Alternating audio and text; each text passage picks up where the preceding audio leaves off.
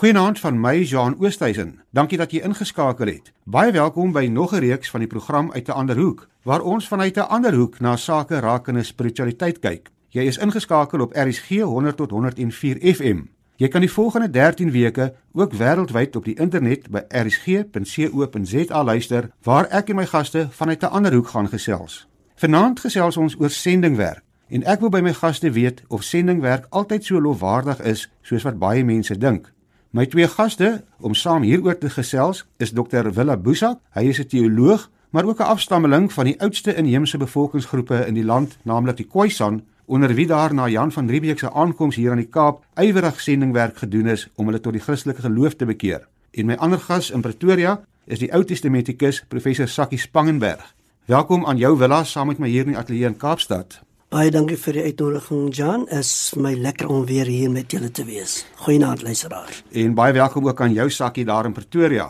Goeienaand Jan, goeienaand Willa. Dankie. Sakkie, kom ek begin sommer by jou. Baie mense dink sendingwerk is 'n baie edel beroep, maar is dit nie 'n bietjie meerderwaardig om 'n spesifieke geloof as die enigste waarheid te beskou nie en om dan ander mense se geloof by implikasie as minderwaardig te beskou nie?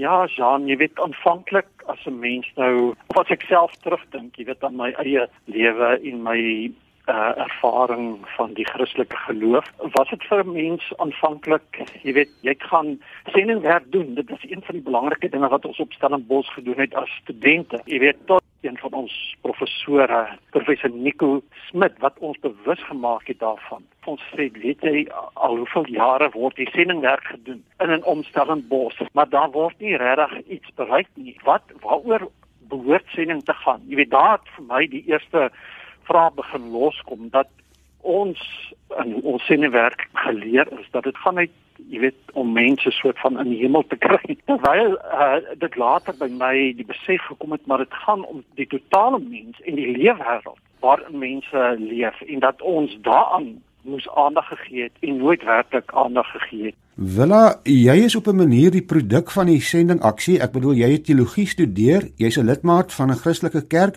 maar jy is ook deel van diegene wie se kultuur en tradisies ernstig beïnvloed is deur sendingwerk.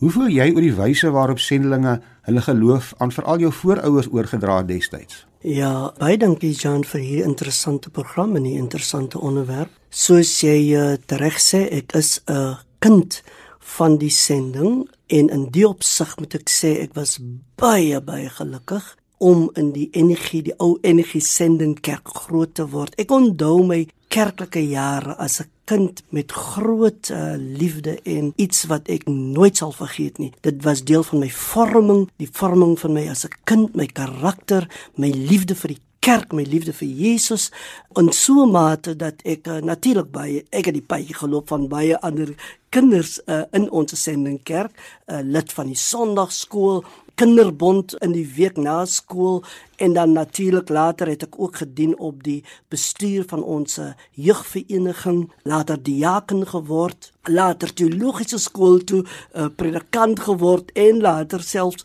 voltyds in die teologie gestudeer en afgeëindig met 12 jaar as dosent wat natuurlik uh, uh, moeilik is vir 'n produk of 'n kind is dit baie moeilik om jouself dan gedurig in 'n spieël krities te bekyk en te dink dat dit wat so mooi was jou die helfte van jou lewe lank dat daar iets mee verkeerd was. Maar dis eers in my latere jare toe ek gestudeer het aan my doktorale studie aan die universiteit uh, van die Vrye Universiteit van Amsterdam en later by Universiteit Kaapstad ook by UWK het my kritiese denke begin ontwikkel. Is dit uh, wat ek is wel uh, so so mooi? Daarom kan ek vandag sê is moeilik om my gevoel te be beskryf uh, Jan en luisteraars maar ek sal dit beskryf as ambivalensie.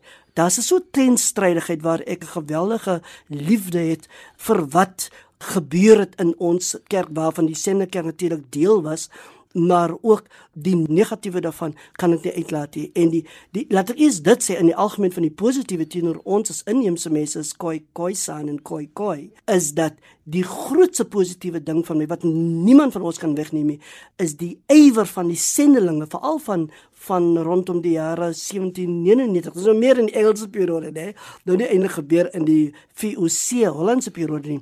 Maar het daar honderde sendelinge gekom veral van die Londense sendinggenootskap die Berlynse uh, Rynse sendinggenootskap en ensovoorts sendinggenootskappe en daar het ons boekgeletterdheid. So dit is die positiewe wat ek eers wil net van my hart afkry. Goed, ons kan ons kan in die tweede helfte miskien bietjie meer daarna verwys, maar jy sê daar was ook negatiewe, daar was ook Ja, kultuur uh skatte wat wat jou voorouers eintlik moes agtergelaat het as gevolg van sendingwerk is dit nie. Absoluut. En dit is die dit is die negatiewe wat ook die hartseer is. Met die dat die sendelinge daar nie een Europeër of laat sê weinige Europeërs het gekom in elk geval vanaf 1488 het gekom. Hulle het gekom met vooropgestelde idees oor inheemse mense. Hulle het gekom met vooroordeele en die, er, hierdie rassevooroordeele het ingesluit dat ons heidens was, dat ons um, goddelose barbare was, dat ons nie 'n god het nie, dat ons nie 'n staat of 'n 'n leierskapstrukture gehad het nie. En al daardie negativiteit is op die sendingstasies en deur die hoofstroom kerke beoefen wanneer hulle na ons kyk.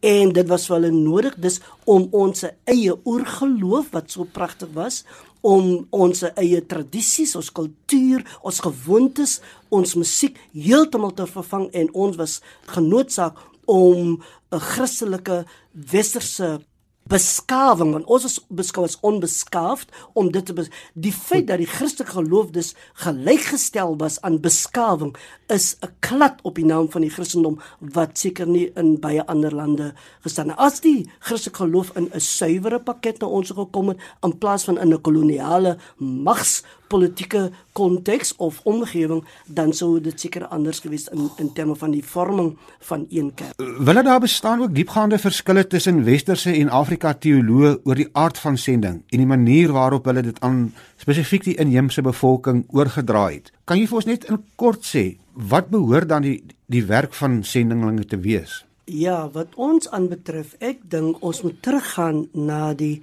Christelike kerk se eerste sendeling. En Paulus is die voorbeeld van hoe na my mening hoe sendingwerk oral in die wêreld gedoen moet word. Ons kan nie ontken dat die groot sendingopdrag gaan dan heen en maak disippels van alle nasies is die reg gewees van sendelinge soos Paulus om dit uit te dra. Maar daar lê vir my 'n houding by Paulus wat ontbreek het by die grootste, oorgrootste meerderheid van sendelinge. Natuurlik daar was uitsonderinge soos Dr. John Philip uh, Reed, Dr. Johannes uh, van der Kemp is uitsonderinge, mense wat die inheemse volk die Khoisas waar uh, van der Kemp was en ook die Khoikhoi in die Oos-Kaap beskou het as hulle gelyke ook slawe en hulle het geveg teen die Britse koloniale regering om gelykheid te bring. Dis die soort houding van 'n klein minderheid van sendelinge wat ons sou wou sien. Wat Paulus gedoen het, sal ek nooit vergeet nie, waar hy selfs op 'n synode in Jerusalem, waar hy in Petrus en ander manne wat anders gedink het, wat met hulle sendingwerk wou hulle ook die produkte van hulle sendingarbeid wou hulle verjoods as daar so 'n woord is, maar Paulus het gesê ek is wanneer ek kom in Rome is ek Romein wanneer ek kom in Efese uh,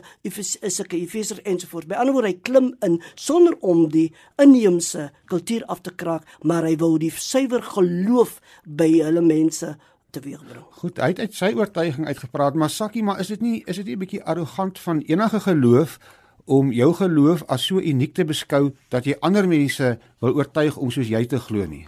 Ja, Jean, ek ehm um, dis maar ook soos Willa net nou verduidelik het, 'n mens kom soos jy groei en ouer word ook tot ander insigte. Vir my is dit al meer en meer duidelik dat jy weet om hierdie houding in te neem van jy weet ek is die beter een.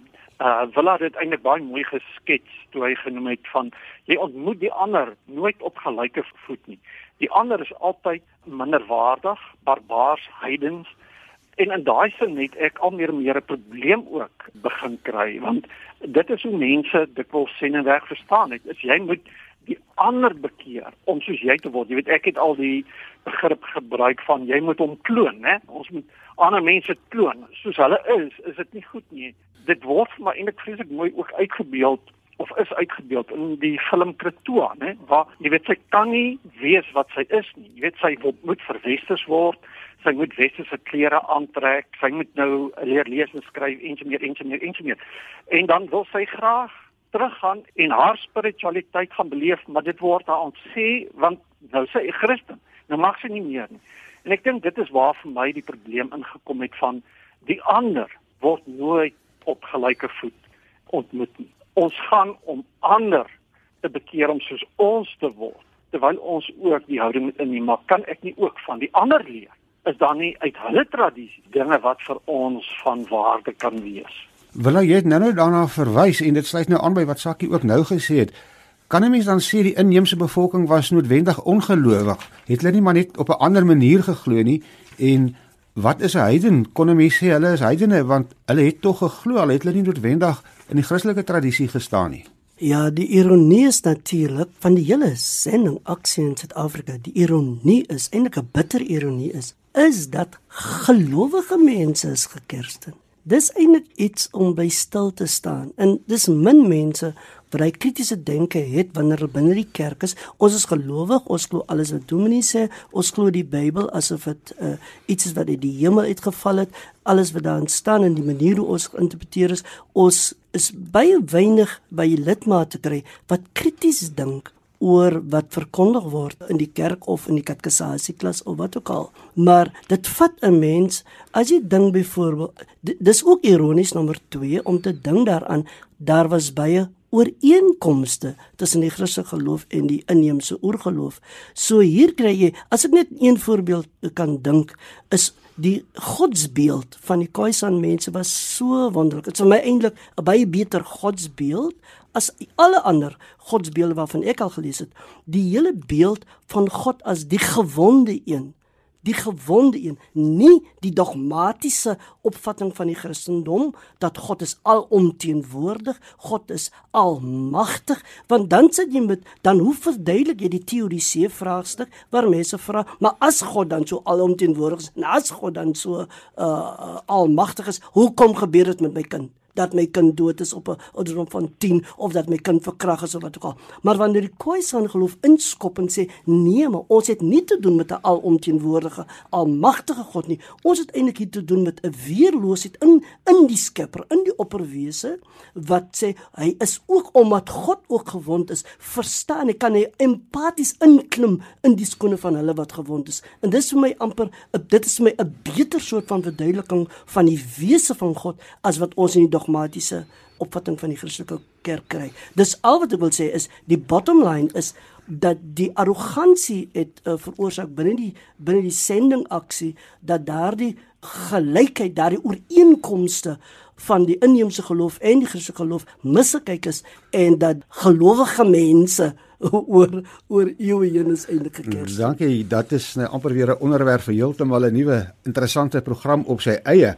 Sakkie, watter rol dink jy het Afrikaanse kerke veral se sendingbeleid bygedra tot apartheid? As jy mens nou kyk byvoorbeeld na die manier hoe daar te gewerk gegaan is om mense te kersden, maar terselfdertyd nie in dieselfde kerke toegelaat is nie. Ja, Jean, dit is onteenseglik. Professor Nico Smit het sy proefskrif eintlik daaroor geskryf, dalk in sy eie taal. Jy weet hoe dat daar geglo is dat jy weet omdat mense verskillende tale praat en ook verskillende kulture het, jy weet moet elkeen nou sy eie kerk hê en mense kan nou eintlik nie saam erediens hou nie. Nou daar is ook iets lofwaardigs daaraan gewees in terme daarvan dat daar gehelp is om mense se tale te ontwikkel, op skrif te sit en so met iets meer.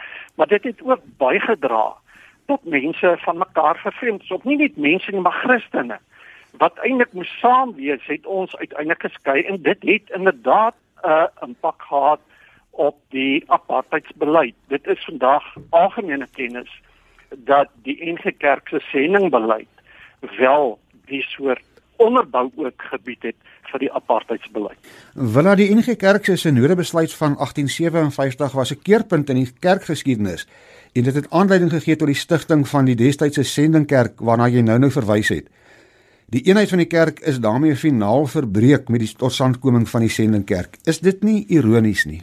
Ja, ek dink daar lê nog 'n stuk uh iets Ek wil nie oorkom as verwytend nie. Nee, glad nie, want uh, al die negativiteit in Suid-Afrika maak my in elk geval lam. Maar ek wil dit so stel, luisteraars, dat eers vorentoe sal die kerk in uh, miskien die kerk in Hebreë, nie noodwendig die enige kerk nie, maar die kerk in Hebreë het uh, almal hierdie sending boodskap of die drang tot sending uitgeoefen katolieke kerk almal en ek is ook glad nie ondankbaar nie want hoewel Khoisan mense in 'n uh, inheemse oorgeloof gehad het het ons uiteindelik almal Christene geword. As dit 'n klein persentasie ding ek wat moslems is vandag in 'n bietjie Rastafariërs, maar omtrent 99%. Kyk, ek woon die die byeenkomste gereeld by uh is Christene self ons twee onafhanklike Khoisan kerke, Khoi Khoi kerke moet ek sê.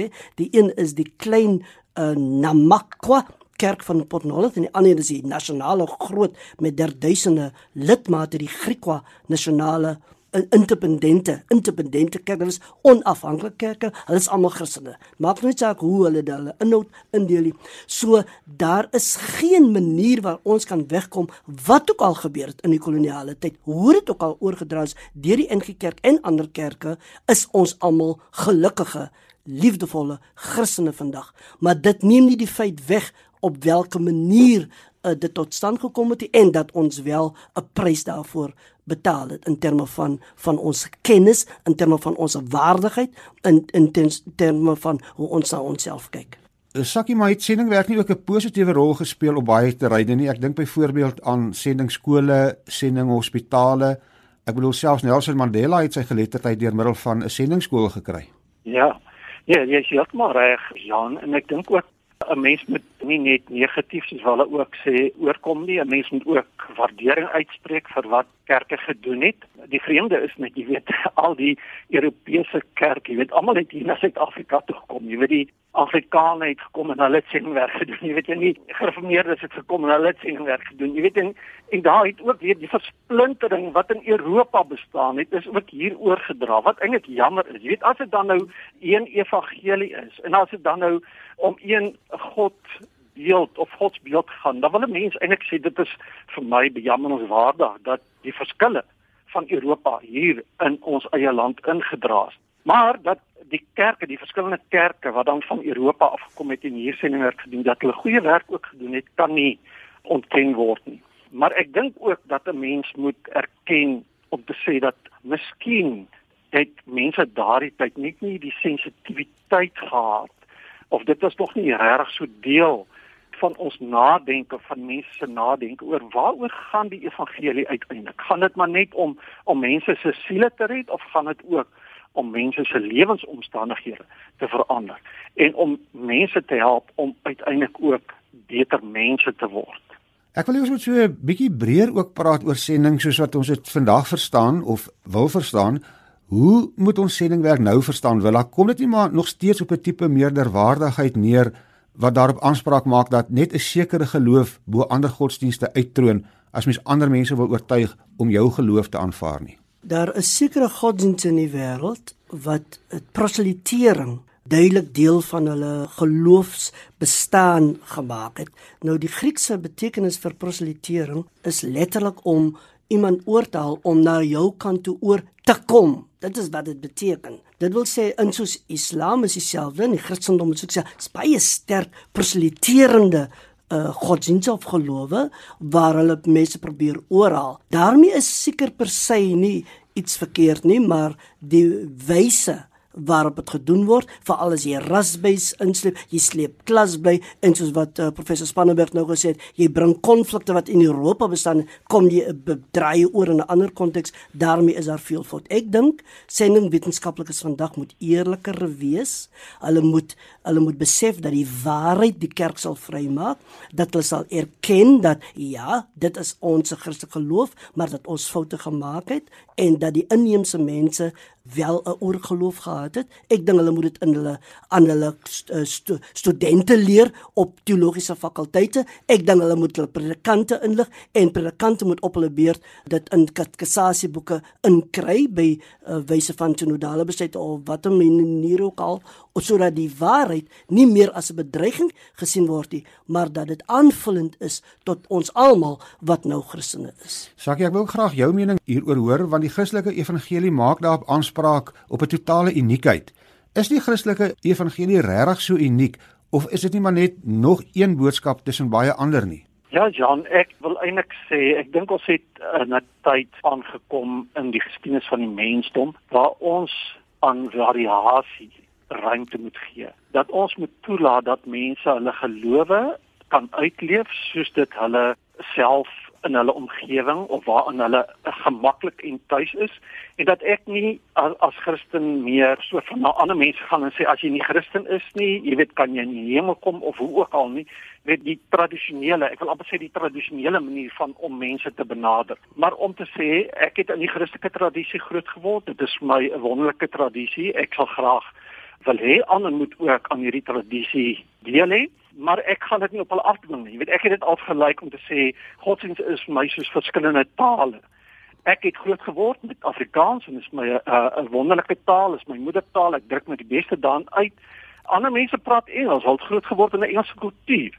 So wil ek ook sê met dit met die godsdienste wees. Ons het verskillende tale, kulture en daarvan is uh, godsdienst deel en ons moet mekaar begin respekteer as mense wat in verskillende tradisies groot geword het en dit is nie nodig om mekaar te probeer bekeer en oortuig en sê jy weet ek het die beter boodskap as jy jy moet oorkom na wat ek glo maar dat ons mekaar ruimte sal sal toelaat om te verskil. Wille daar's baie gemeentes wat allerlei sending aksies vandag nog het en na lande soos Indië en China gaan om mense te bekeer. Trouwens daar word self sendingwerk onder die Jode gedoen. En intussen is daar soveel nood hier op ons eie voorstoep en in agtergeblewe gebiede waarna Sakkie ook nou-nou verwys het. Moet gelowiges nie liewer konsentreer om te help om die groot gaping tussen ryk en arm op hulle eie voorstoep te verlig nie?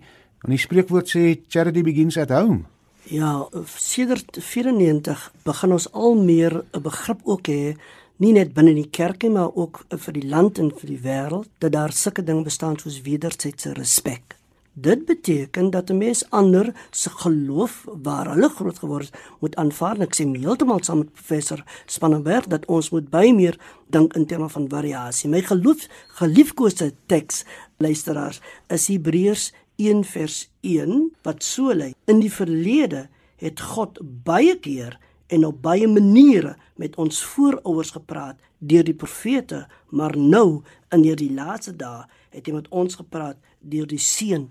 Nou hierdie op baie maniere en op baie keer is vir my te te eng gedefinieer deur baie Christelike gelowiges en waar dit neerkom dat God het hom slegs geopenbaar aan die Jode en die slegs openbaar ook aan die seun uh, Jesus wat ook 'n Jood was. Met ander woorde, ons het 'n soort van 'n parochiale opeis en verskraling van God se liefde, van God se grootsheid en van sy grootse grootse omarming van waar ook al in die wêreld mense bestaan. Sakkie, wat is jou siening van kerke wat nou nog steeds mense uitstuur na sien nou maar lande soos China of Indië of wat selfs onder die Jode wil gaan sendingwerk doen terwyl ons hier in ons eie land met 'n groot armoede probleem sit en waar daar baie ander dinge is waar mense kan help.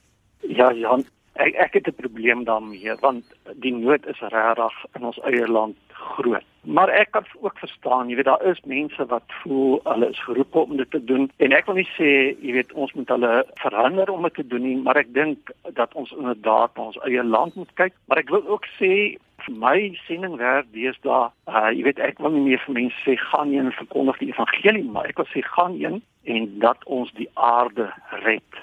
Dat ons hierdie woonplek van ons wat ons al meer almal vir alle gelowe, alle mense besig is om te besoedel ons vernietig die omgewing waarin ons kleinkinders moet lewe.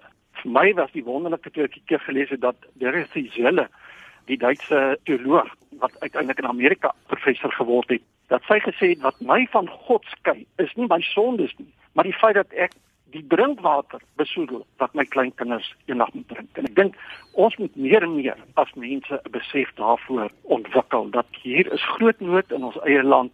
Hy uh, is groot nood die hele wêreld omdat ons vir hierdie omgewing waarin ons moet leef moet begin omgee.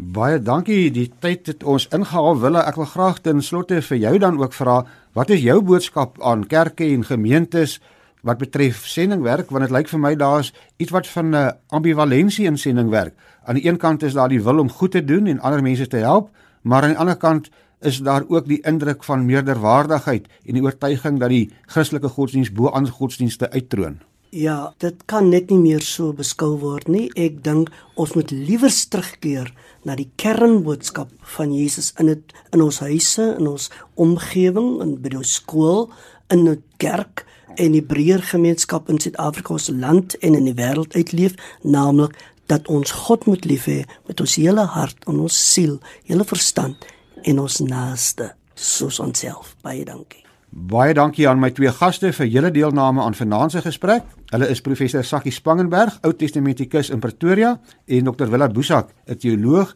en geestelike leier van die Khoisan gemeenskap hier in die Kaap. As jy jou mening wil lig, is jy welkom om 'n SMS te stuur na 45770 teen R1.50 vir elke SMS of besoek ons Facebookblad uit 'n ander hoek en gesels daar saam. My e-posadres is jean@oosthuizen.z@gmail.com of volg my op Twitter. En onthou, jy kan ook na al die programme as 'n potgooi op RSG se webblad luister. Van my, Jean Oosthuizen, goeienaand tot volgende Sondag aand, net hier op RSG wanneer ons weer uit 'n ander hoek gesels. Goeienaand en geniet die laaste paar uur van die naweek.